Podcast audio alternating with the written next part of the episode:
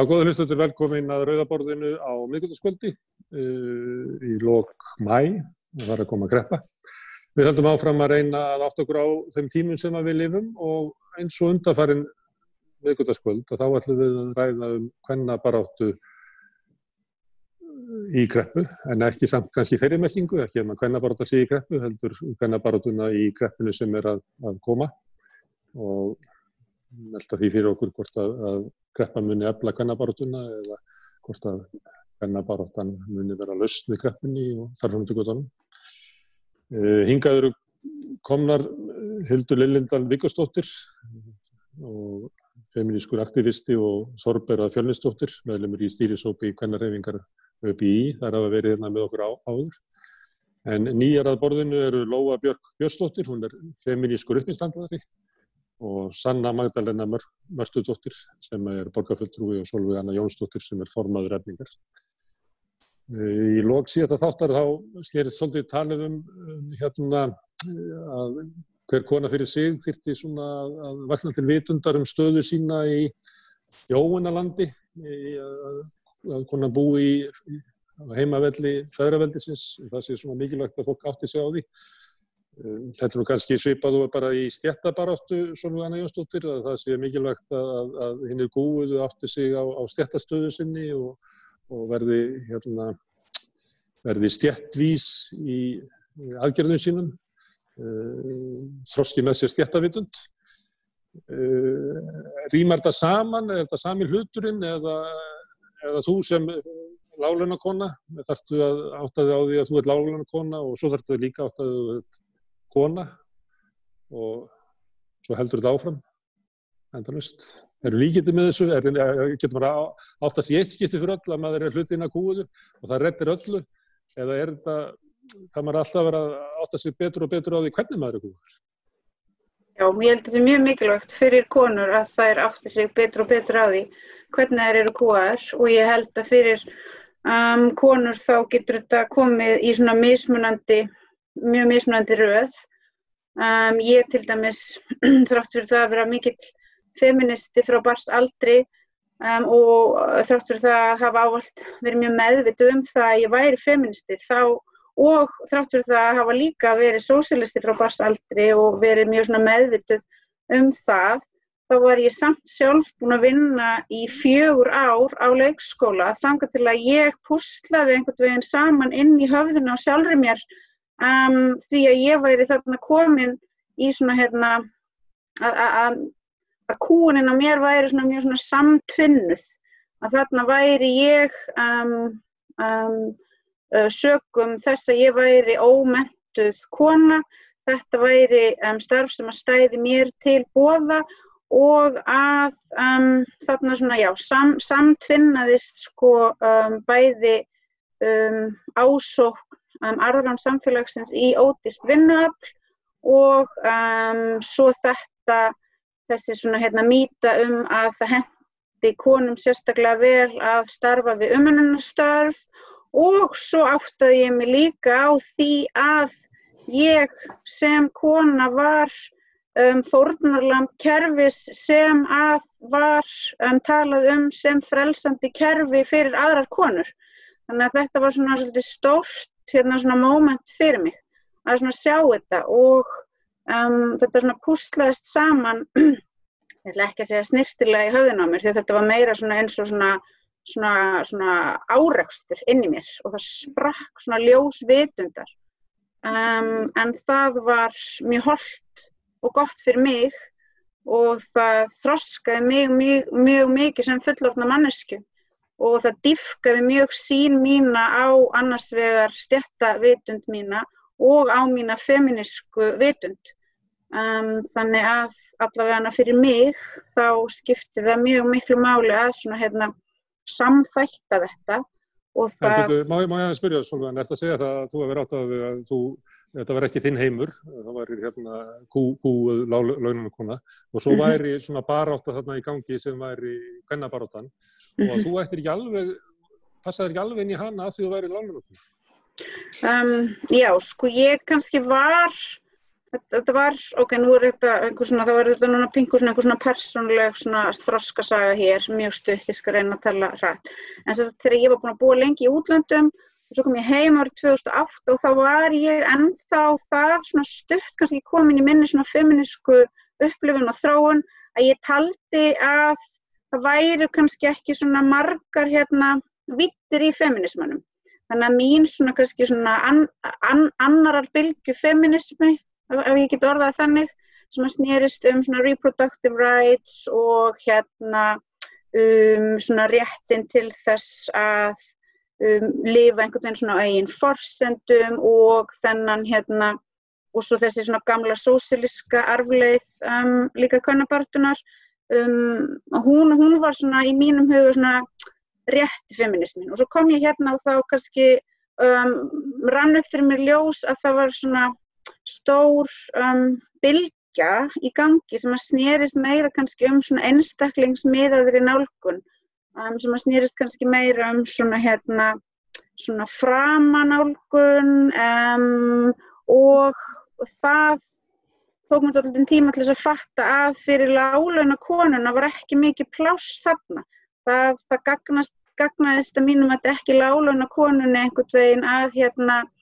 að verða, verða meira töff og horfa einhvern veginn uh, meira inn á við og, og verða áræðnari. Það var ekki að fara að hjálpa láluna konunni í því að um, eignast betri tilveru þó að það gæti vissulega kannski hjálpa henni bara svona um, í, í einhverjum svona persónulegum vexti þá, þá hafði það afskaplega lítið að segja um henn, hennar efnæðslegu tilveru og hennar kannski svona möguleika til þess að geta tryggt sér og, og afkvæmum sínum hérna góða tilveru. Þannig að þetta var svona, þess að segja að ég hef kannski svona þroskast mikið við þetta um, bara og ég hef svona fullornast meira við þetta. Því að ég áttaði mig á því að sín mín á, á feminisma, sín mín á margar hluti var bara rosalega yfirborskjönd og mjög barnaleg. Og um, ég hafði svona trúið í að maður þyrti sjálf, að manneski þyrti sjálf einhvern veginn ekki að vera í aðstæðan til þess að átta sig á því að þær væru skakkar eða rangar. En þarna árið 2012 þá þurfti ég að viðkjöna fyrir sjálfur ég sjálf hafiði þurft að verða einhvern veginn mjög svona mikið fórnarlamp ofur arðráns um, þessar svona stóru kvennakúnar til þess að sjá svona hversu markvis og svona kerfisbundin og brútal hún var. Um, og þetta er kannski ekkert svona sérstaklega um, skýrt um, þegar ég útskýra þetta. En, en fyrir sjálfur mér þá er þetta svona nokkuð skýrt og í þessu mómenti þá var þetta í það minnst mjög skýrt fyrir mér. Þú, þú veit að hjálpa okkur að skilja og þeir sem ekki skilja þetta geta bara að spóla þetta aftur og hlusta þetta aftur. Erðu, en, en Lóa, þú hérna uppgötar að þú sért kona og svo uppgötar að þú sért fyndin og það að vera fyndin kona er einhvern veginn bara sérstaklega, ég sé að þið skemmtið saman hérna, feimlísku uppistöldarannir, eru svona mhm. aðgrindir frá, og kallanir eru náttúrulega bara karla skemmtikjöftar, það eru lokaður karla heimur að vera fyndin. Mm -hmm. Eh, fer þetta ílla saman, hérna, er þeir í aft ílla tekið hérna, sem fyndin í konu meðal fyndin að kalla og meðal ófyndin að kvenna? Er það í orðnöfum að vera fyndin kona?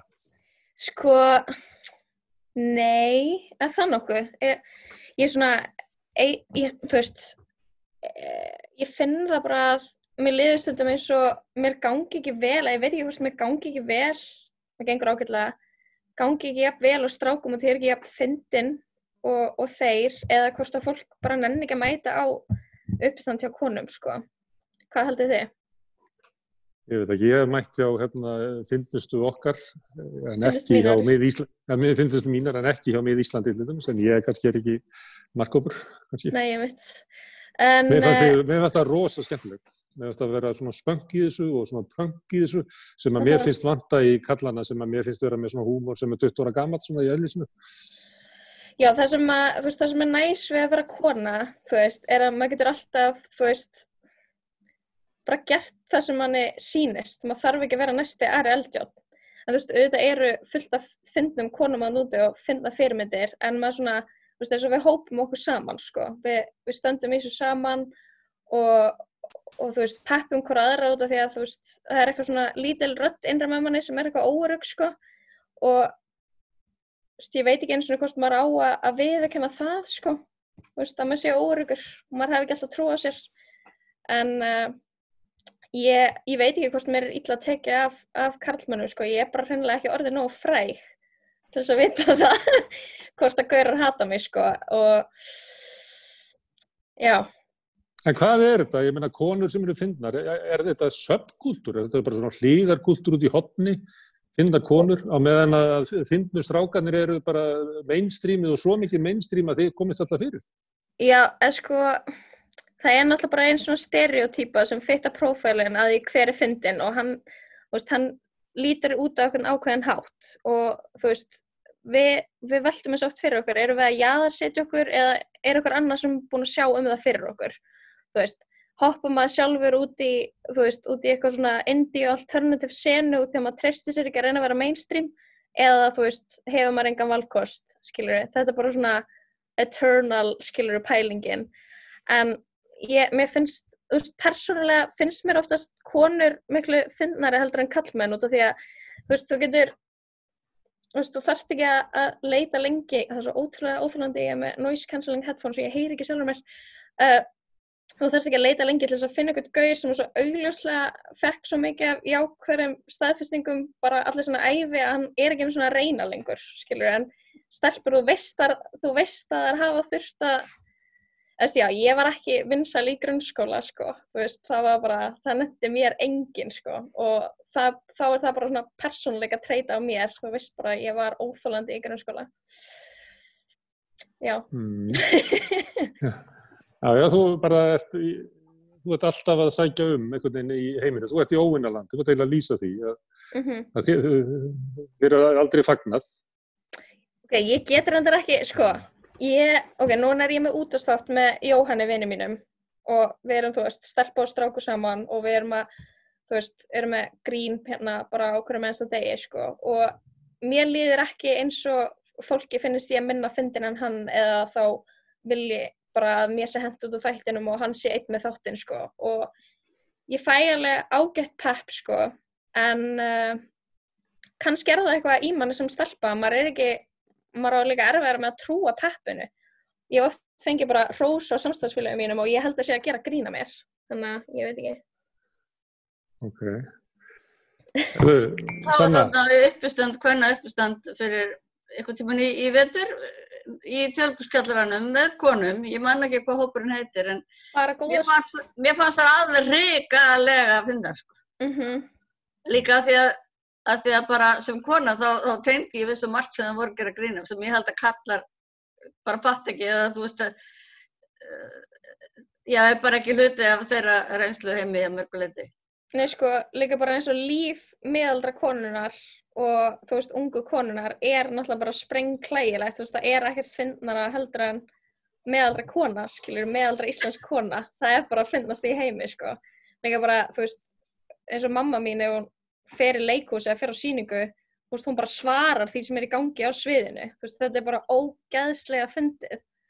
Og þú veist, þetta er eitthvað sem, þú veist, konur geta líst svo vel sjálfar,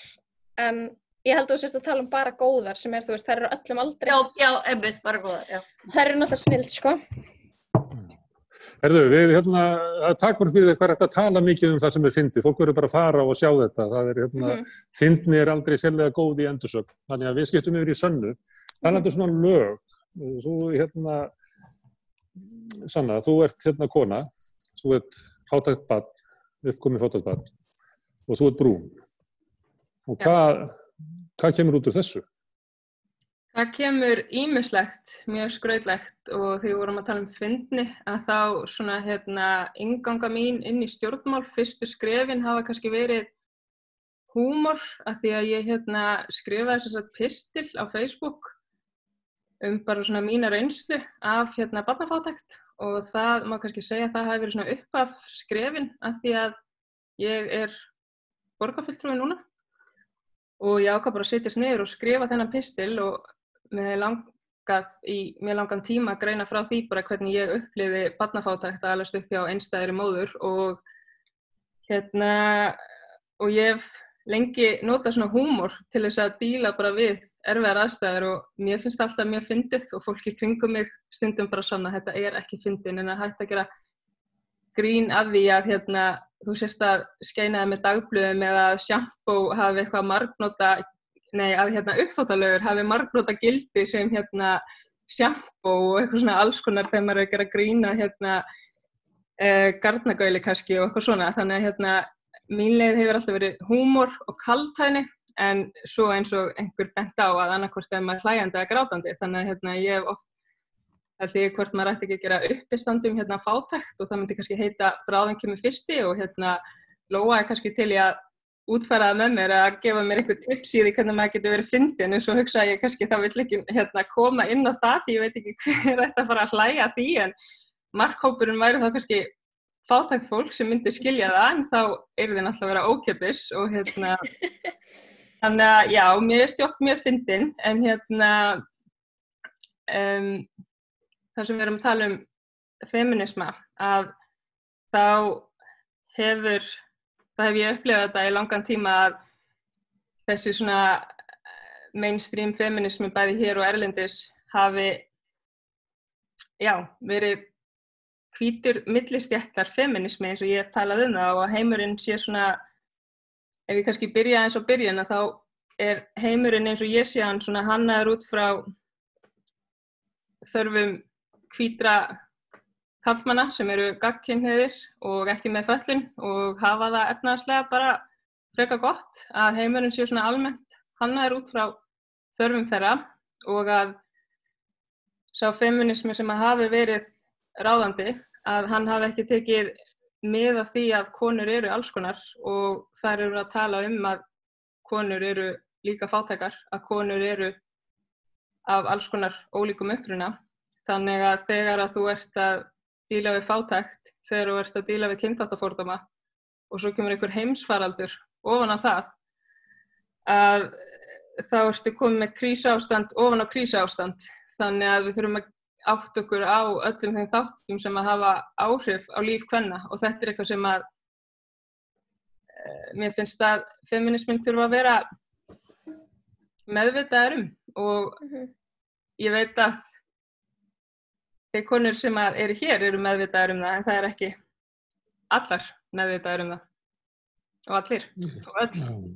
Þorberg, þú talaði í síðasta fætti og það er áður um, um svona, það að vera kona og vera föllus, hvernig það spilar saman.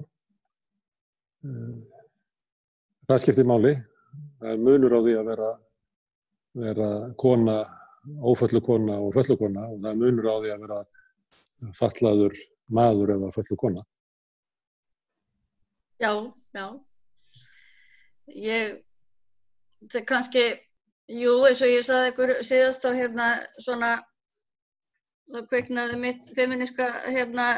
hérta svona eða lifnaði þarna þegar ég var 13 ára í hvernig verkvallinu en síðan hefur orkan eins og hjá mér meira farið í, í hagsmunamál fallara vegna þess að það er eitthvað sem að maður svona já það hefur ég hef fundið meira fyrir því að, að það að þurfu að hérna þannig að það hefur verið svona í forgrunni hjá mér þá hef ég bara sett orkuna í að, berjast fyrir hagsmunumálum fallara fyrst og fremst sko. en, en verið alltaf meðvituð og reynd það að vera með kynjaglörum líka á mér mm. Er hægt að heia réttið þetta bara út úr fallara án þess að velta fyrir sig kynjum eða þurfa konur sem eru fallar að heia sína eigin baráttu, annarkot með eða brand við sér? Nei, það er þetta á hérna, þarf að taka til til kynjamunar í, í baráttunni almennt. Hérna, og eins og við reynum í kvennarhefingunni þá svona kannski að því það eru málefnahópar því að við erum starfandinn nörgjubandala sem það eru málefnahópar þá, þá reynum við svona að, að koma kynja sjónamöðinu svona inn í, inn í, inn í þá að þeir, þeir sé meðvitaðir um kynjaminn á, á, á, á svona, vissum söðum. Mm. En í sjón kvennarhefingunni, það þurfa þá henni þölluð að minna á það að, að það er ekki nóg að vera með svona kvennabarótu, heldur verður að vera kvennabaróta sem að þjónar þölluðum og fátakum og öryrkjum. Fyrsta lagi þurfa fundinu náttúrulega að vera haldnir á stað sem að maður kemst af. Sko. Það hefur nú yfirleitt ekki verið. Mm. Mjög, já, mjög algengt. Bráðaðgengilegt sem sagt. Er það feminista félag Íslands, Sóni? Er bara almennt. Herðu, Hildur, þetta er nú svona, þú er ræðum í kvennarhefingunni í nokkuð missur og mörg, ára. Hún þurfi að, að, að átta sig á því að þetta sé svona lagskipt allt saman, veruðin öll lagskipt. Og fólk er gaggrínir kvennarhefinguna á sama tíma fyrir að vera það ekki, en samt einhvern veginn, hvar sem að kvennarhefingi kemur fram að þá leggur þetta á ottin. Er eitthvað svona, er þetta svona místróski, er hérna en að fólk átti sig á þessu en, en kannski, að ég veit ekki, það stundum hérna að munur að vita og vita, stundum tekur það bara langan tíma að sökka inn og átta sig á því að það skiptir raunmjöla máli, þetta er ekki bara mun eftir að segja þetta í áttundu setningu, er, er heldur að hvernig ekki sé að gangi gegn svona þroskaskeið? Já, ég held að hún sé að því alveg tímarlöst og ég, uh, ég held að sko misþroski sé óhefilegt hugtak en samt sem það er frekar lýsandi fyrir nákvæmlega þetta sem er í gangi. Við erum alltaf að reyna að uh, muna eftir forréttindunum, opna dittnar fyrir öll, passa að vera inklusív í uh, öllu sem við gerum allavega þvist því sem ég kem nálagt. Uh, en ég finn það alveg hvaða er mikil neðanmálskrein og það er ofsalega sárt en uh, og nú ólst ég upp í fátækt og hef díla við mjög alvarleg bara, bara gríðarlega alvarlegan kvíð og áfallasteytur í mörg ár verið mjög veik og óvinnufær í, í langan tíma uh, og hef oft verið svona soldið á skjön þar sem ég hef verið að taka þátt hvernig bara dög, verið, verið svona aðeins á jæðrinum í feminisma en uh, en nýtt samt einhvern veginn allra forreitnda heimsins. Ég er með alveg, ég er með svona hérna, æg hvað heitir þetta hérna lúðurinn? Gjallarhort Gjallarhort, með svona ákveði gjallarhort ég, með, ég, ég á minn eigin sápukassa og get uh, hef alveg og heyrist og sérst ég heyrist og sérst sjá bara við ekki byggðum alla. Alls ekki, það eru gríðileg forréttindi fólkin í því. Og ég á, á sama tíma ég er alltaf að reyna að muna að passa upp á að búa til pláss fyrir fleiri að þá finn ég alveg að þú veist að stundum ég veit ekki, ég hef einhvern veginn stundum nærða ekkert mjög langt undir yfirborðið þótt ég sé alltaf að gera mitt besta sko. ég, hérna þú veist kannski til dæmis tók þáttið um daginn að halda námskeið fyrir bara rótakar konur yfir, yfir helgi og við gengum í það í kvelli að sjá til þess að húsnæði verið aðgengilagt og það veri uh, hérna pláss fyrir alla og ef að konur þyrtu á því að halda að uh, leita eftir einhvers konar fjárstyrk til þess að geta tekið þátt þá verður þeim velkomið að hafa samband. Við vorum ekki í aðstöðu til þess að hafa það ókjapist, það er bara vegna þess að þetta kostiði okkur sjálfar gríðarlega mjög vinnu en, uh, en svo kemur bara einhver hlaupandi og, og bankar í bakjað okkur og segir byrju, okkur stendur ekki skýrum stöfum í auglýsingunni að uh, non-binary fólk sé velkomið. Þú veist, af hverju, af hverju leggjið ekki áherslu á það að bjóða fólk velkomið sem skilgreinir sig hvorki sem kallin í konu? Og það er bara, já, góð punktur, hafðum við mótt að hugsa út í það. Af hverju eru þið ekki að auglýsa leiðir til þess að finna tólkaþjónustu? Og við bara glemdum því, við bara við heldum að við værum að gera vel en, uh, en svo læri maður auðvitað bara alltaf á reynslunni. Og ég held að ég held að sko jáðarsettir hópar hafi kent mér þúsund sunnum meira heldur en nokkuð tíman einhverjar uh, ríkar forréttindakonur í feminismu bara miklu, miklu meira. Ég er alltaf að læra eitthvað nýtt og það að vera ofinferði og geta viðkjönd mistökinn sem við gerum og læra vemslinni og, og, og hlusta læra bara að halda kæfti og hlusta bara það mikilvægsta sem, sem ég hef nokt hún lært á mínum ferli. En er það þannig að svona venjuleg kona sem ekki tileirir einhverjum svona undirsættu hópi að þegar hún, hún getur ekki, ekki sagt við konur, hún á þá bara við hérna,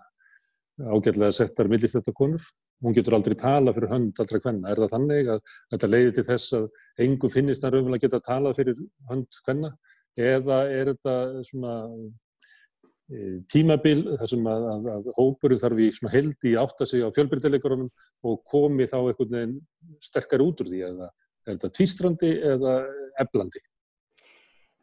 Ég held að það sé undir okkur sjálfum komið. Við getum uh, auðvöldlega látið þetta tvístra okkur og ég var sjálf þar og það er svolítið merkilegt að hlusta Solveig að tala um, um sko, sína batnilegu og sína feminisma. Þannig að mín var það mörguleiti líka og það sem ég held að væri þroskamerki mitt þegar ég var, um, hvað ég voru að segja, fyrir kannski svona tíu árum síðan alltaf að standi í einhverju rifrildi við eitthvað forsvarsfólk feminista félagsins eða eitthvað. Ég var alltaf að, að hérna, mér er alltaf að finnast það ógslag tepurlegar og leiðilegar og skilji menningu og, og, og eitthvað, þá fannst mér ég vera rosa þróskuð sko, rosa mikill reppell og, og miklu klárari heldur en, heldur en þessar konur sem að ég var að hamast við að gera lítið úr. Uh, það sem ég upplifi hins vegar núna sem uh, þróskamerki lungu setna þegar ég er svona dætt í færtugt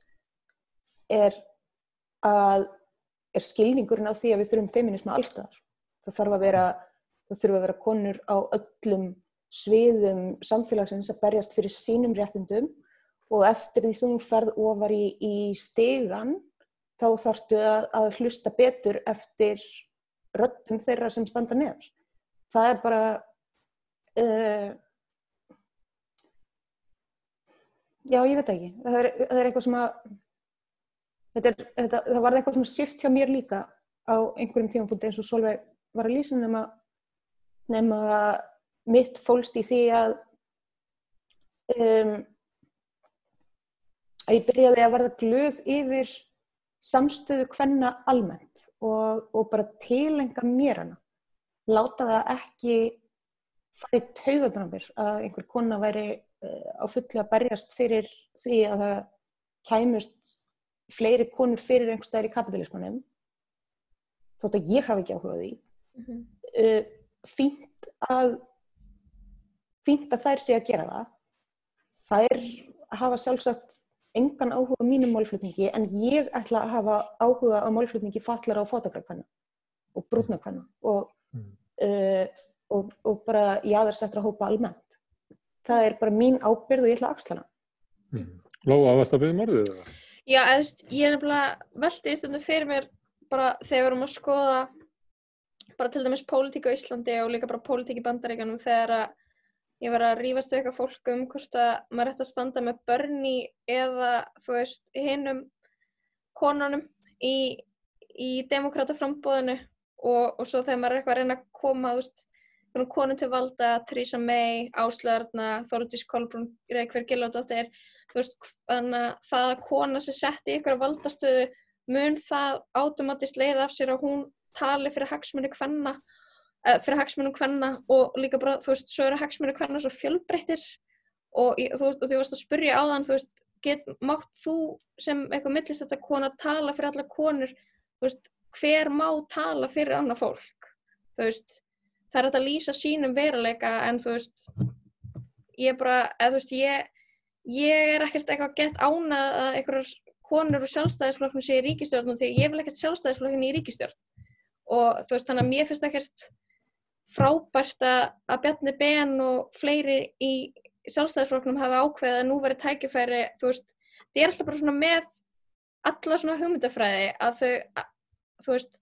að simulata eitthvað svona smá sem vinstri vill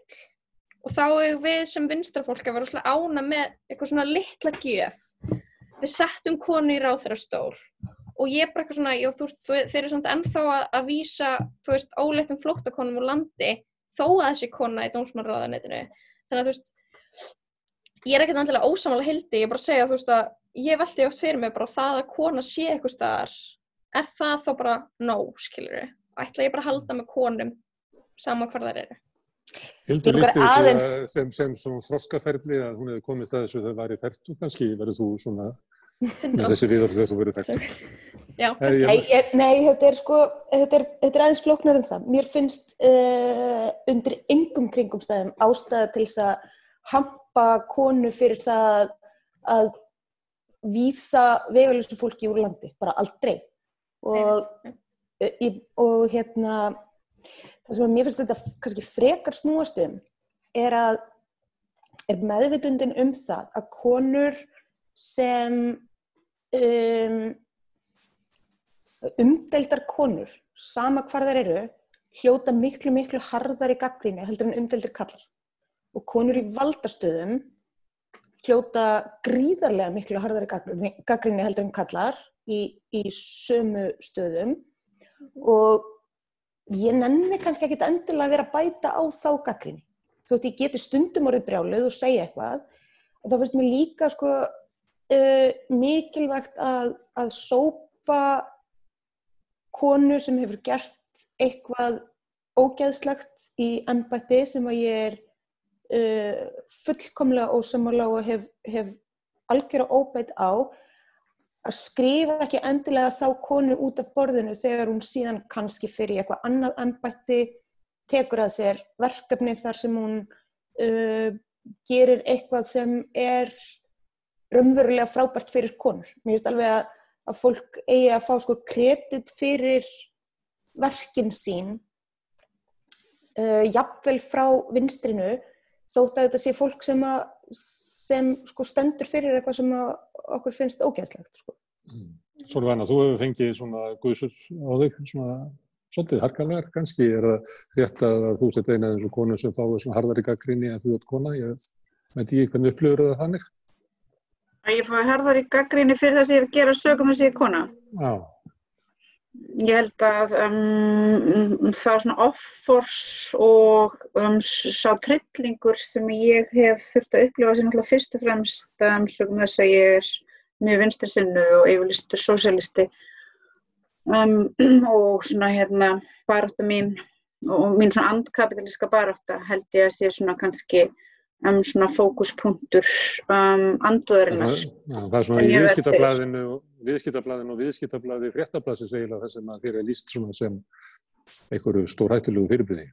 Já, en þú veist að hefur samt... Ójabæ, hef, já, ég seg, og þú veist það, það er þá kannski sem ég ætlaði svona bæti við að veist, en vissulega hefur þarna verið mjög svona kynjaður vinkil mm. en í því þegar það er svona ráðist einhvern veginn að svona, emitt, svona hérna inn, innræti mínu persónleika um, tjáningarformi og um, algjörlega einhvern veginn hort fram hjá því hvað ég er að segja og í stað þess fókusað á það einhvern veginn að, að ástæðan fyrir því að ég sé að segja það sé af því að einhvern veginn ég sé svo miklu ójabvægi og þó að um, Likið hátur ómur Likið hátur ómur en þeir sjá ekki Fólk hefur sagt um mig, það er margt rosa sniður sem hún solvaði að mér að segja en röttin í henni, ég bara henni ekki.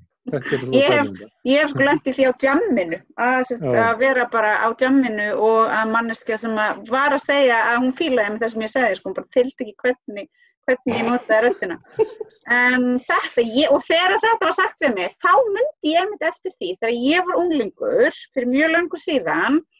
um hvað ég var alltaf hissa á því að heyra því líst af drengjum á mínum aldri að morfís til dæmis væri bara fyrir menn af því að konur væri náttúrulega svo óksla rattir sko að það væri ekki hægt að hlusta á þær. Mm. og þá hugsaði ég bara ok Mamma mín er þölur, sýsti mín vinnur í útverfinu og fyrir mér var þetta svo ótrúlega svona förðulega og kostulega hérna fullirring en, en já, það er náttúrulega fyrir suma kallmenn og um, já, þá, þá er það eitthvað svona þessi svona skræki tótt sem kemur ef að konar verður höst. Getur verið rosalega hræðilegur og rosalega mikið lúþung byrði til þess að bera. um, og ég hérna, já, þú veist, ég var alveg svona hugstað, ok, það er kannski að vera eitthvað minna skræk en svo gleymi ég því alltaf þegar ég verð æst og, og þá verð ég bara visslega skræk. Það er um, fyrir mig þegar Lóa var að tala að því hún var í útvarpinu með manni mm. að, að þegar að svona Rás 2 var að byrja og þessi þættir og bylgjan að þá hérna voru útáskonur og það var kvarta undan þeim og kvarta undan hláturinn eða með róþælur og svona Andrésar og þessi kynsnótt það var bara kvarta yfir því það var bara óþælur, það var hvernmannslátur Það er margt sem að kallmenn hafa þurft að þóla í gegnum tíðina og hérna, ef, það, hérna, ef það er eitthvað sem að trublar þá meira en, en hvernmannsgrátur þá er það hvernmannslátur og þetta er mjög leðilegt og, og, og það er kannski það sem hefur trublað þessa hérna, menn sem að sem að þóla mig ekki. Ef það er svona, ég hef ekki farið í þetta með svona neoliberal project að fela tilfinningar mínar. Heldur hef ég bara left þeim að um, fylgja bara mjög rösklega með um, en, en það eru þær hérna bara, veist, mjög stór partur af mér og mjög stór partur af því að vera manneskja og ég bara hafna því alfarið og sé það sem rosalega svona húunar tól um, færveldisins að einhvern veginn það þurfi svona afsala sér hérna djúbri og mikil tilfinningatjáningu til þess að vera marktæk manneskja. Mm -hmm. um, og þið séu til dæmis með hana Gretu sem að verður fyrir stórkvæslegum og viðbúslegum árásum. Það er yfirleitt svona dreyið um, fyrst fram að hún sé defekta því að hún sýnir tilfinningarna sína bara með mjög skýrum hætti. En fyrir mig er það það sem er mest heillandi við hana að horfa á hana og sjá það bara að hún meinar það 100% sem hún er að segja. Og að hún, hún, hún meinar það svo mikið að hún gæti ekki einu sinni falið tilfinningarna sinnar þó að hún vildi það. Og hérna, ég veit ekki, ég sé það líka og kannski er það bara eitthvað sem ég er búin að búa til henni í höfðinu á sjálfur mér til þess að hérna, verja mig fyrir þeirri vanlíðan sem að vissulega um, getur fyllt því að þurfa að þóla svona, svona leiðindi í köllum út í bæ. Um, en ég líti á það sem bara alveg svona mikilvægan part af feministri baráttu að um, segja að tilfinningar eigi að hafa pláss og að um, þær megi sjást og að þær séu hérna alls ekki eitthvað sem að þurfi að hérna, skrúpa í burtu fyrst áður en að þú ert marktæk manneski. Ja, það verður hægt að setja röttin á þér, það verður hægt að setja röttin á þér á ból, þá myndur maður geta gengið með hana. Nei, þið sjáu nú bara hvaðan hérna Ari sem vann Eurovision hérna, hvernig var það fyrir tveimur árum eða eitthvað sem að hérna Greta Gleði þegar hann vann keppnina, hvað hann fekk á sig rosalega harda gaggrinni en, en sem betur fyrir eru kallmenn bara, og þá, sko, mér finnst það einmitt hafa aukist að kallmenn eru orðnir óhrættari við að sína tilfýringar sína. Er svona Mér finnst svona bæði konur og kallar verið að reyna, allavega sömur, að reyna að breyta þessu. Má ég segja eitt viðbútt? Þetta, þetta, svo... þetta er svo óhald og, og hérna, þetta er, er þessi eitraða kallmennska. En mér langar að segja að það er nefnilega úslega að fyndi sko þetta því kallmenn hafa sannlega mátt sína tilfinningar en það er tilfinningar sem hafa, þeir hafa mátt sína hafa verið þessar svona aggressífi tilfinningar já, já, og það já. hefur alls ekki verið eitthvað gaggrind, það er bara töf. Ef einhver kall kemur og sínir svona aggressífa hegðun þá er enginn bara eitthvað óbyttu þetta er tilfinning en einmitt þessi svona kannski þetta að fella tár eða verða þú veist einhvern veginn svoleist það það hefur farið svona í skammarkrók tilfinningana, ja. veist, þessi svona svona kvenlegu, kven, kvenlegri viðbröð við hérna um, alls konar málum sem, sem að gerast. Já, ég held að þetta sé alltaf mann einhvern veginn flokka sko, þessar, þessar tilfinningar sem við megum ekki hafa, uh, hvort sem við erum kallar konur eða hvoraugt, eru, þær eru það er enginnast af einhvers konar viðkvæmni við erum berskjölduð. Ef að uh, ef við erum að sína þessar uh, einhvers konar brotnar tilfinningar eða, eða brotið sjálf, sína einhver merki um það. En ég er alveg sammála að ég held reyndir að þetta gildi líka um mig að það sem að hefur sko veist, það að ég hafi í, í því sem ég er gert lift tilfinningunum alltaf að vera með og vera på yfirborðinu uh, sé það sem gerir færaveldið alveg ekstra reitt við mig sko. En ég, anna, ég held að það sé er það nokkuð mjútu? Nei, ég held að þetta er smá breytast til að sjá minni kynnslóð sem er svo ógeðslega performatív á samfélagsmiðlum að þú veist, strákur eins og að segjast gráta og vera lítill lísur og viðkömmur það er alveg, fólki finnst það alveg iconic sko, fólki á mínum aldrei það er bara ógeðslega þakklátt fyrir að hann svona afhjúbi sig og þú veist, þetta er náttúrulega bara ógeðslega performativ, allt skilur bara setja mynda sig gráta og vera bara eitthvað í uppleiði tilfinningar.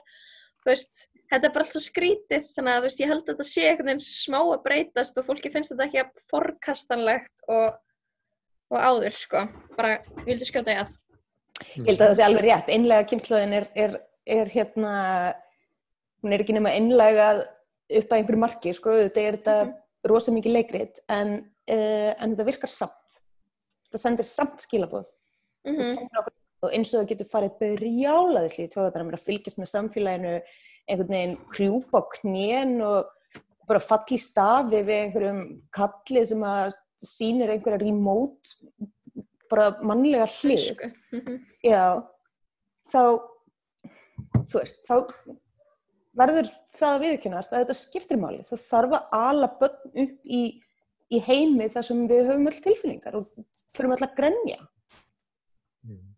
Þannig að má ég spyrja það aðeins um viðtökur að þú hérna slóst með uh, hérna, Davís Ótssonar um að vera yngst í borgarfulltrúi í sögunar. Uh, þegar hann gerði það, uh, slóð sitt með þá var litið á með hann en nú aldeilis framtíðar leiðtói og mikið ekki marka ánum, þóttu vera mikið afreg. Þegar mótökunum við þig, er það öðruvísi heldur að þau ert kona, það sé sagt svona hérna þetta sé nú það sé eitthvað önnu tegund eh, viðbröðum að það sé ekki lítið á þetta sem svona karlmannlegt afreg að koma til í borgastöld svona ungur heldur síðan að hvað þú ert eitthvað ung og sætt og mikil príði í borgastöld er það kynjuð viðbröðið þig? Já, ég hef nú almennt fengið hérna góðar viðtökur og svo bara almennt fólki sem að líkar ekkert mikið við sósélista, það er mjög skemmtilegt að lesa um sig í kommentarkerfum en það eru almennt bara góður viðtökur en svo hef ég líka heist eitthvað á við að hérna, fólk hafi nú kosið mig að því ég væri svo sætt ég vona að fólk sé að meina því að ég er svo sætt í heilanum og sé mér svo góður hugmyndir. En það er nú bara svona almennt hérna góður viðtökur sko og ég held að það tengist nú því sem maður er að segja á því sem maður er að tala um en hérna en ég held alveg að maður hefur alveg spurt sér að því hvort að uh, kyn og útlit og aldur tengist þeim viðbröðum sem maður fær frá, frá fólki. En svona eitt skemmtilegt sem er gaman að segja frá og líka þegar við erum að tala um pólitík og sínileika og hver er í pólitík að þá hérna var ég að kynna sérsagt bara hvað ég vinn við í dag og hvað ég hef verið að gera í gamla skólanum mínum. Ég útskrifaðist úr fellaskóla árið 2008 og mætti þangað og var með erindi fyrir hérna uh, eldstu bekkina og sagt, eftir kynninguna þá kemur svona hérna dökk stelpa upp til mín og segir eitthvað á við hérna ég er eitthvað, ég vildi bara láta þið vita að ég er yngri útgáðan af þér eða minni útgáðan af þér. Og mér fannst þetta svo sætt, þetta var svo fallegt. En á sama tíma hugsa maður einhvern veginn sko þú veist, maður vill búa í heimi þar sem að húðlitur skiptir ekki máli en við erum ekki á þeim stað. Og samkvæmt minni bestu vitund og þá er ég fyrsta brúna manneskjan á Íslandi sem er í borgarstjórn, jafnvel viðar í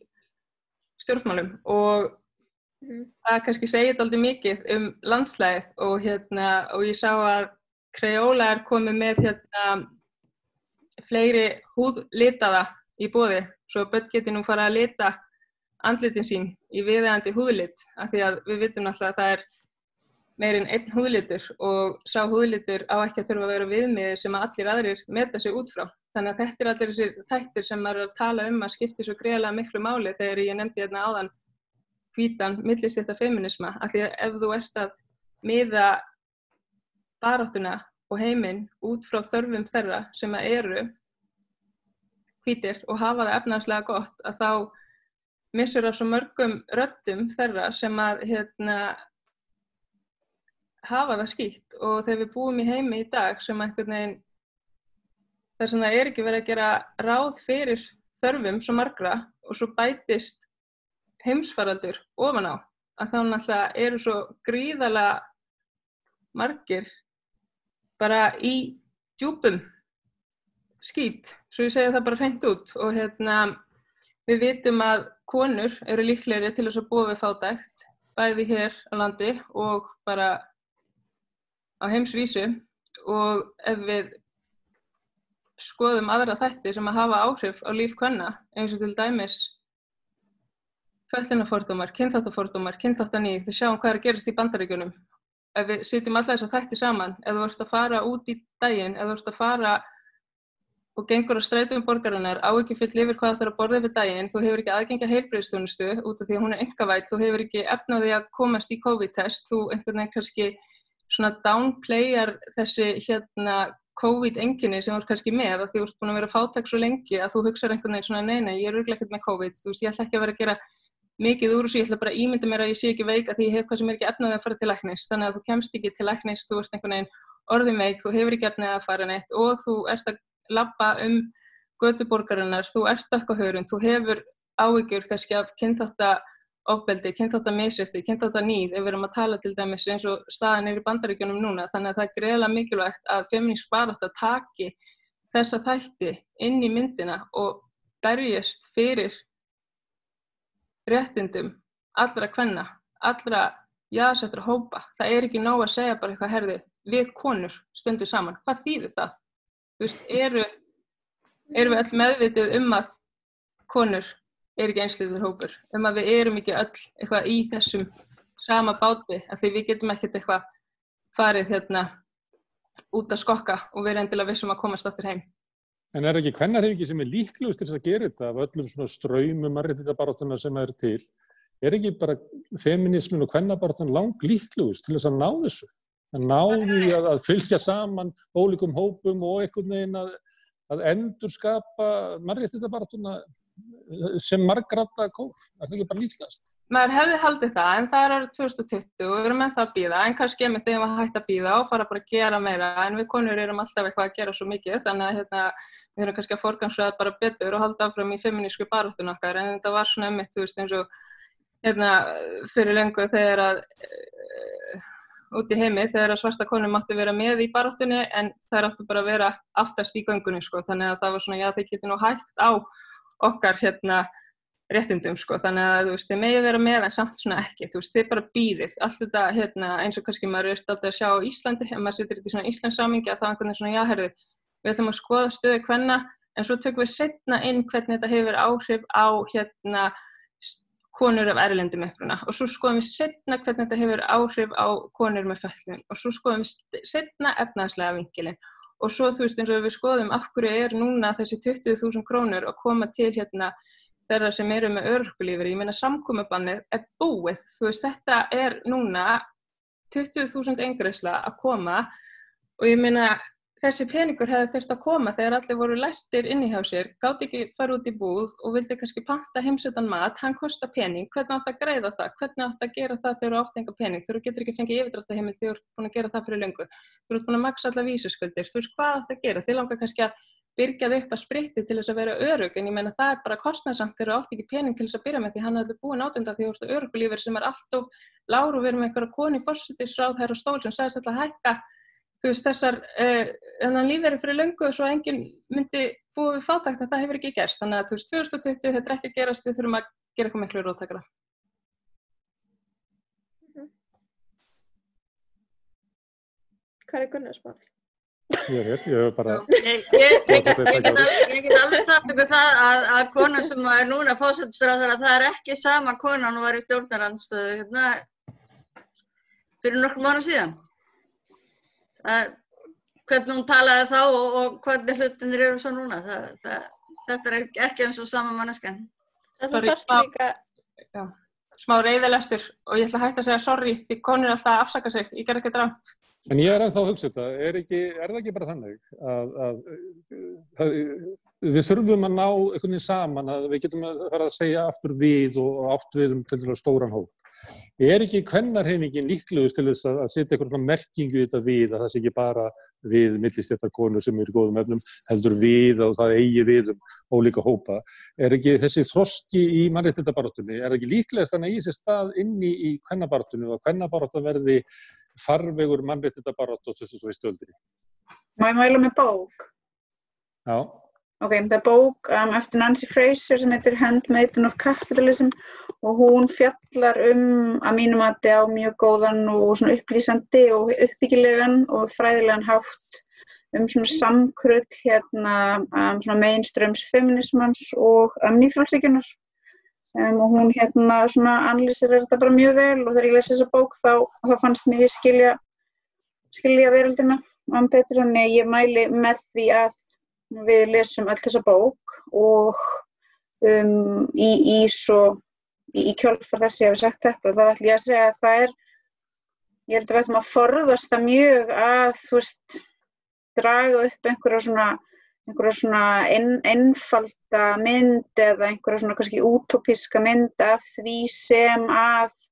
um, hvernig bara þetta geti fært okkur. Ég held að við erum í svo rosalega fragmenteriðu samfélagi þar sem að það er svo ótrúlega margt sem að, hérna, sem að splittra okkur upp að það sem að mögulega gæti saminað okkur það kannski fer bara að hafa minna og minna vægi vegna það eru svo aðri stórir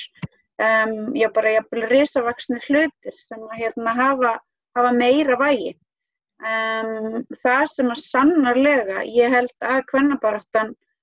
um, geti og eigi og hafi gert um, fyrir allar konur. Og þar getum við, það er svona sá staður á mínum að það sem að allar konur hefur staðið saman og svona talað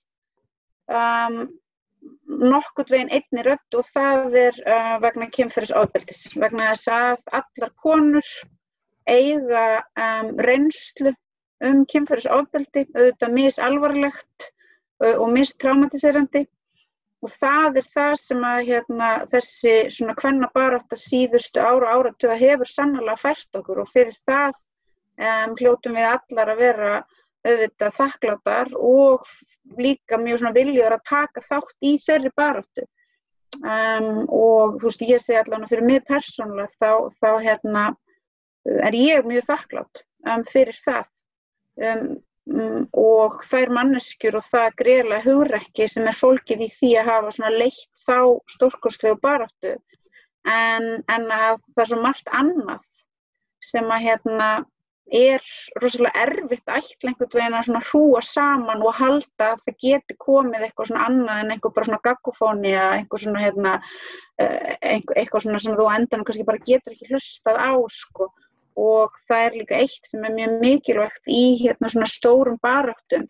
að um, horfast í auðu við það ef þú ættir að toga of margar ólíkar rattir að borðinu þá gætur þú endað upp með boðskap sem er kannski ekki svo mikils virði.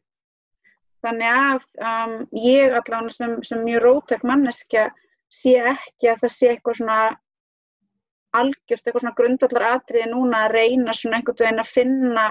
finna einhvern svona stað þar sem við getum einhvern veginn samanast um, ég held að sé mikilvægur að við skerfum bara á því hvað okkur finnst að við diffkum okkar eigin greiningar að við verðum bara klókari og betri í því að analýsera og það mun taka tíma og það er kannski erfitt að býða eftir því að hérna, einhvern veginn svona stóra bylgjan komi um, en, en ég held að við getum ekki hraða því af því að þú veist, ég held að svoleiðis verði aldrei, aldrei nógu svona hérna organist eða nógu, nógu satt til þess að raunverulega geta, geta gert það sem við viljum sem er um, umbreyting, algjör umbreyting á samfélaginu. Mér finnst þetta bara mjög góða punktur og, og, og rosa áhugaverðast pælingar vegna þess að ég sko uh, svona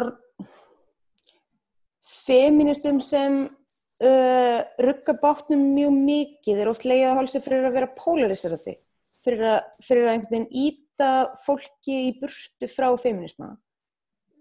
og, og það er einhvern veginn sagt eins og eitthvað neikvægt ég er alltaf verið svolítið hall undir polariseringu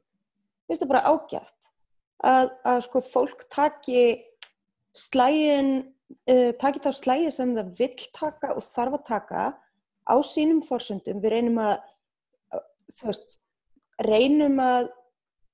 sína konum bara almennt frekar stuðning heldur en nýðurif en við þurfum ekki allar að vera að uh, slást á sömu stöðunum eða sömu sviðunum, bara alls ekki. Og ég held að það sé algjörlega galið að búa til eitthvað svona einn vettvang fyrir allar konur þar sem er barist fyrir öllu einhvern veginn, því það verður bara gröður bara kakofónia og, og það græðir enginn á því að við erum um, að við byggjum upp góða samstöðu hver á sínum stað og passum upp á að bara halda sambandi og einhverjum svona jákvæðum teimslum ég held að það sem er líklega til argus heldur að nokkur tíman að hrúa allir saman við eitt borð sko. En við erum að koma út í nýfrjóðsíkjárunum þar sem að mannréttiðabarátan var sem litið tvistrus. Stóra mannréttiðabarátan á nýfrjóðsíkjárunum var kvennabartan, baráta hinsegin fólks, baráta fallara, eh, baráta innflýtjanda og, og minniluta hópa. Eh, Langstæðsta af þessu er eiginlega kvennabartan. Það er eiginlega það sem verður að velta fyrir mig, hvort að að sagt, sá grunnu sem þar væri um, hérna, hvernig fólk tala saman eða hvernig það mótar baróttuna, baróttu tækja og flera, hvort að það getur orðið grunnur að einhverju eða, eða,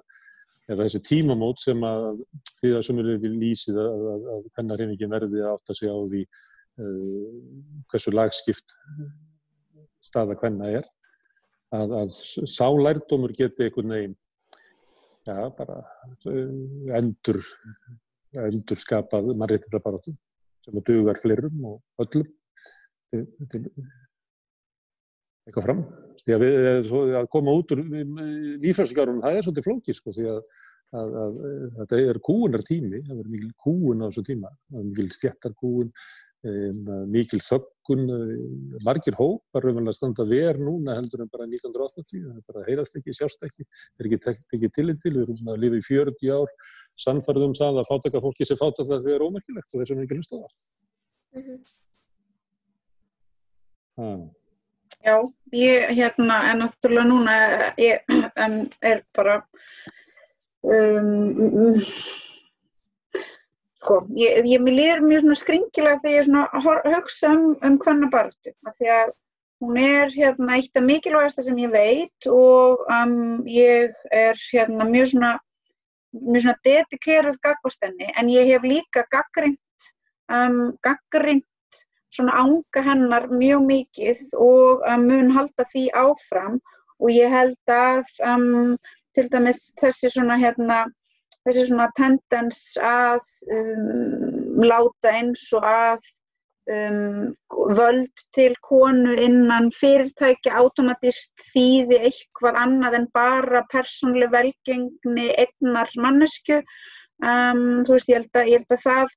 geti og hafi sannlega, ég held ekki um það, ég bara trúi því alveg að það og það svona narrativ hafi haft mjög skadleg áhrif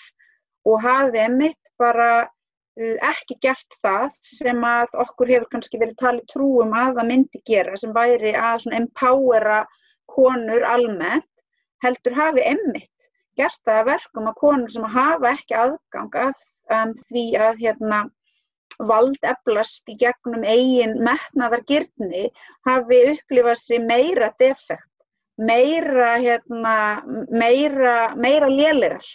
en þeir hefðu mögulega gert áður en að þetta narratíf varð svona rosalega stórt og mikið. Um,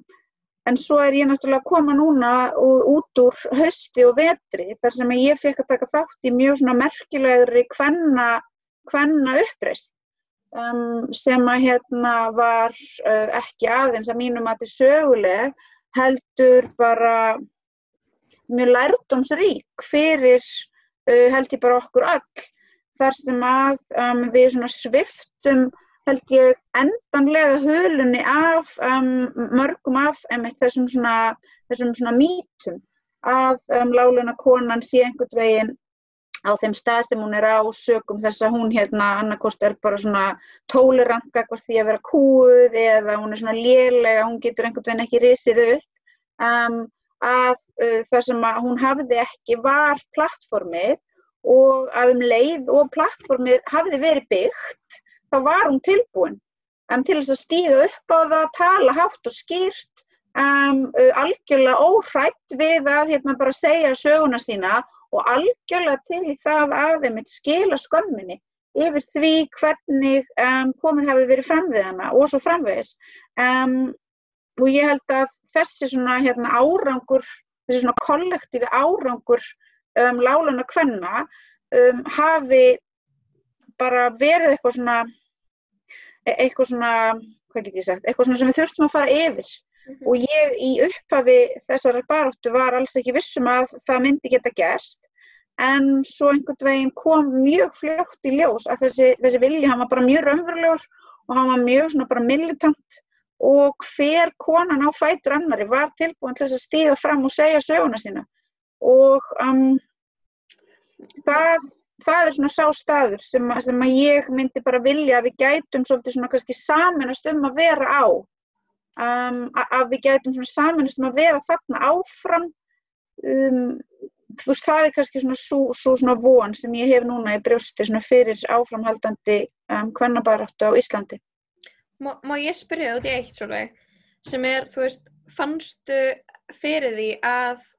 aðrar konur í samfélaginu sem eru ekki lálunakonur væri að standa með þessum aðgerðum, þú veist, konur sem þurftu þá að hætta að, þú veist, mæti vinnuna í smá tíma til að vera heima með börnin, þú veist, stóðu allir með ykkur? Um, nei, þarna myndi ég segja þú veist, um, vissulega upplifðum við mikinn stöðning um, viðsvegar frá og um, hann var auðvitað bara mjög, mjög mikilvægur. En á einhverjum tímapunkti þá líka sættum við okkur við það að við vorum ekki að fara að fá þennan svona stóra allsherjar stöðning. Og um, það var alltaf svona partur af mér sem var einhvern veginn mjög svona hérna undir það búin að hann myndi ekki koma. En, en það, það sem var kannski svo brjálæslega merkilegt og hérna, stórkvæmslegt að upplifa var að við vorum nógu margar saman til þess að geta sagt hvor við erum og það bara skiptir ekki máli. Þú veist, okkur er á öndunum bara alveg sama, við erum hér og hérna, við erum í þessum aðgerðum og um, það nægir okkur að geta hort á hvor aðra og geta speklað okkur hvor í annari. Um, þú veist, við, við vorum ekki að horfa út í samfélagið og býða eftir því að fá einhverja svona validation eða, eða einhverja svona, hérna, einhverja svona rosalega bylgi af stuðningseyflýsingum. Við áttuðum, ég, við áttuðum okkur á því að uh, stjættastafa okkar var þannig að það var bara ekki að fara að gerast. Um, en það var líka rosalega valdeflandi fyrir okkur. Uh -huh, uh -huh. Það var bara mjög valdeflandi móment og ég hérna ég held að þú veist við sem tókum þátt í þessu um, munum aldrei gleyma því hvað við hérna hvað við raunverulega bara auksum mikið sem, hérna, sem manneskjur í, í þessu. Og því það er líka rosalega þroskandi að fatta að þú getur ekkert verið að býða eftir því að einhver annar ætla að koma og hjálpa þér að draga vagnum og það er líka bara mjög mikilvæg partur í að verða fullur af manneskja að fatta það að stundum er það bara svolítið og það þýðir ekki að væla neitt yfir því. Þú þarfst þá bara að draga þemmun meira en, en þá er það líka þemmun sjúklega skemmtilegra þegar þú druslast svo loksins í marg og getur það bara einhvern veginn öskra rosa, rosa hátt. En finnst eitthvað Já, sorry, sanna þú mátt segja. Það er ekki, líka náttúrulega hvenna samstaða er greiðlega mikilvæg og það er náttúrulega margt sem að við, hérna, konur sammælumst um og höldum áfram að, hérna, sammælast um eins og hefur komið fram hér en ef við ætlum að hérna, breyta samfélagsgerðinni og skapa rými fyrir alla konur svo þær geti virkilega lifað í samfélaginu og hérna, verið með tilveru rétt uh, án þess að vera hérna, bara emmiðt að stanslist að upplega til dæmis hungur og hérna, vegna fátæktar uh, þá náttúrulega sé ég ekki af hverju við ættum að vera eigða okkar orku í að sannfara einhverjar kapitalista konur í að vera í þessari baráttu með okkur þegar að þeirra markmið er náttúrulega bara að halda völdum og, og hérna klífa uh, stigan í einhverju stórfyrirtæki klífa hann til þess að hérna, fá fleiri bónusa og eitthvað svoleiðist. Þannig að hérna, hvenna samstaða algjörlega en að við séum ekki að hérna, sóa orku okkar í eitthvað sem að gengur alls ekki fyrir okkur. Ég er alveg hjartanlega samanlega og mér finnst ógíslega erfitt að, að, að einhvern veginn líða eins og ég sé hægri konan við þetta borð. Það er engin stjættabaráta án hvennabarátu og það er engin hvennabaráta án stjættabarátu. Það er algjört grundvallaratriði og mér finnst oft sko hafa í gegnum uh, þessi, þessa fái áratvíði sem, sem að ég hef verið með opinu aukun uh, þá, þá hefur það svona fram að grófasta nýfrjálsiki tímanum oft, var það oft mín tilfinning að, að sko hvernig væri með uh, stjættabaróttu algjörlega í huga en stjættabaróttan vildi skilja hvernabaróttuna út undan. Og þetta tvent er bara óaskiljanlagt. Það getur ekki farið fram í uh, aðskildum rýmum. Og þetta getur uh, hvernabarótta farið fram á, á alls konar sviðum og út um allt, en hvernabarótta getur ekki farið fram án stjættabaróttu af því að, af því að hugmyndin er að kollvarpa kerfinu, það er það sem við viljum gera, við viljum afnema þetta viðbjörslega kerfi og áframhaldandi þáttaka hverna í kapitalismunum sem er nákvæmlega kerfið sem heldur en niðri má ekkert vera sérstakt áhugamal hjá okkur, þá, við, þá getum við bara að pakka saman að hægt. Mm -hmm. Algjörlega vonlaust. En, en heldur þetta bara þetta hefur ekkert verið ábyrgandi í hvernabarátunni í langt skeið? Sko, nei, nei, ekki, ekki mjög lengi. Það verður að fara aftur til rauðsokkarna því í barnatrú hérna Svolítið Rönnu, hún er alveg uppið rauðsugutrú. Já, já, bara, bara, bara það sam og ég ólst uppið, sko. Mm. Uh, en hvernabarton hefur heldur ekki verið ábyrjandi í, í, í stjættabartonum fyrir núna ég veitur með tilkomið solvegar. Mm. Þorbara, hún lísti því hvernig hún vaknaði hérna, til vitundar 13 ára guðmjöla í hvernaverkvallinu á Lækjatorgi Í 8. Eh, mars í fyrra var ég á Lækjartorki og þá var verkvall eblingar í hótelunum, eh, svona almenna vinnumarkanum og þá var haldinn fundur þar og það held að ræ, eh, frábæra ræðu hérna, ég heldur sem frá Rúminni sem var trúnaðmaður hérna, herbyggist hérna á Hótel Borg. Frá Ungurlandi. Á Ungurlandi. Mm -hmm. Og ég stóð svona eitthvað starf í aðrinnum að því ég var ekki, ég er ekki lánuna maður og ég er heldur ekki kona og ég er svona er að fylgjast bara með þessu. Var að horfa á þetta og ég var ekki að Herðu, ég, er, ég, hérna, ég er að horfa á, bara, ég er að horfa á heimsúlega nabils. Það sem er að gera þérna er að í fyrsta skipta Vesturlöndum er innfætti verkaliðurinn og aðurflutti verk, verkaliðurinn að ná saman í, í, í verkliðspartu. Þetta er hérna pá, ef, ef þetta væri, þetta gerast einhvers vegar um alla Evrópu, þá myndi bara heimur breytast ef þetta næði saman eins og þetta, ég er að horfa á þetta að gera þérna. Og ég er að horfa á þetta að gerast og það eru konur sem er að gera þetta. Það þær geta náðu þessu saman. Og svo leiti ég í kringum mig og svo það Getu, hér er bara engin kon að fagna þessu. Þetta voru bara lálar og konunar einar og, og ég og einhverju þrýr, fjórir aðri sem stóður og horfa á þetta. Stórkonslu viðbyrður. En bara fólk bara vissi ekki og það hefði gerst. Þannig mm -hmm. var Já en ég meina, þú veist, hefur verið eitthvað settabarata á Íslandi þanga til fyrir tveimur árum? Þú veist, er hægt að horfa tilbaka og hugsa að stjættabaratan hefur ekki tekið inn konur, þú veist, hvar er þessi stjættabaráta búin að vera eiga þessi stað að þú veist, ég fættist 1993 og þú veist, mamma, mamma mín og pappi eru rosa vinstirsinnuð og þú veist, fyrsta mæganga og eitthvað, en þú veist, restin í kringum mig, þú veist, krakkar á mínum aldri og það sem er að gerast í samfélaginu, jú, það var hrunu og búsáaldabildingin og svo er það bara loka á það, hæri stjórn og þú veist, það er bara, ég veit ekki alveg hvað ég á á að vera, þú veist, miða við, skilur við, hvaða stjætta bara þetta? Ég er alveg samanlega svo, þegar ég var uh, um það leiti sem þú ert að vera tvítug, þá er ég að, á 8. mars að uh, halda erindi í inn á uh, þar sem voru alls konar fulltrúar verkefliðsbaraðunar viðstattir og ég var bara ég veit ekki, ég bara hef tilneingu til að vera rosa taktljós og uh, talaði bara um að ég væri búin að gleyma því að stjættafélag væri til einhvers annars en að leiða út sumubústæði af því að það mm. var bara það sem ég vissi um, það var, það var mín tilfinning gagvart stjættafélagum the time uh, fyrir ekki mikið meir en svona sjö árum síðan kannski. Mm -hmm. það, var, það var bara það sem að, þú veist, ég bara hafði samband við stjættafélagi eða ég vildi fá endugreitan tannleiknarkostnað eða leiða sögumbústað. Og ég varð aldrei vör við neina verkefliðspartu. Og það er bara gjurbreytt, landslægið er gjurbreytt á alveg óbúslega stundum tíma og ég, ég get ekki lísti hvað ég er þakklátt öllum konunum sem að hafa staði fyrir því. Ok, það er hérna... Talandum 8. mars, þá hérna já. hefur Kvennarhefingu EBI tekið þátt í, í, í svona dagskræði til mér 8. mars í, bara í fjöldum, já þetta er bara síðan hrefingi á stofnum 2005 og alltaf með svona fjárframlöfum og, og stundum líka með að hérna, fyrirlesara og eitthvað, eitthvað svo leiðis. En nefnitt í fyrra þá, þá dróð okkur út úr þessu vegna þess að, að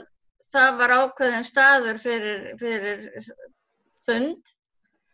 í húsnaði sem að sem að var ekki almennilega aðgengilegt. Við vorum ekki spurðar, það var tala við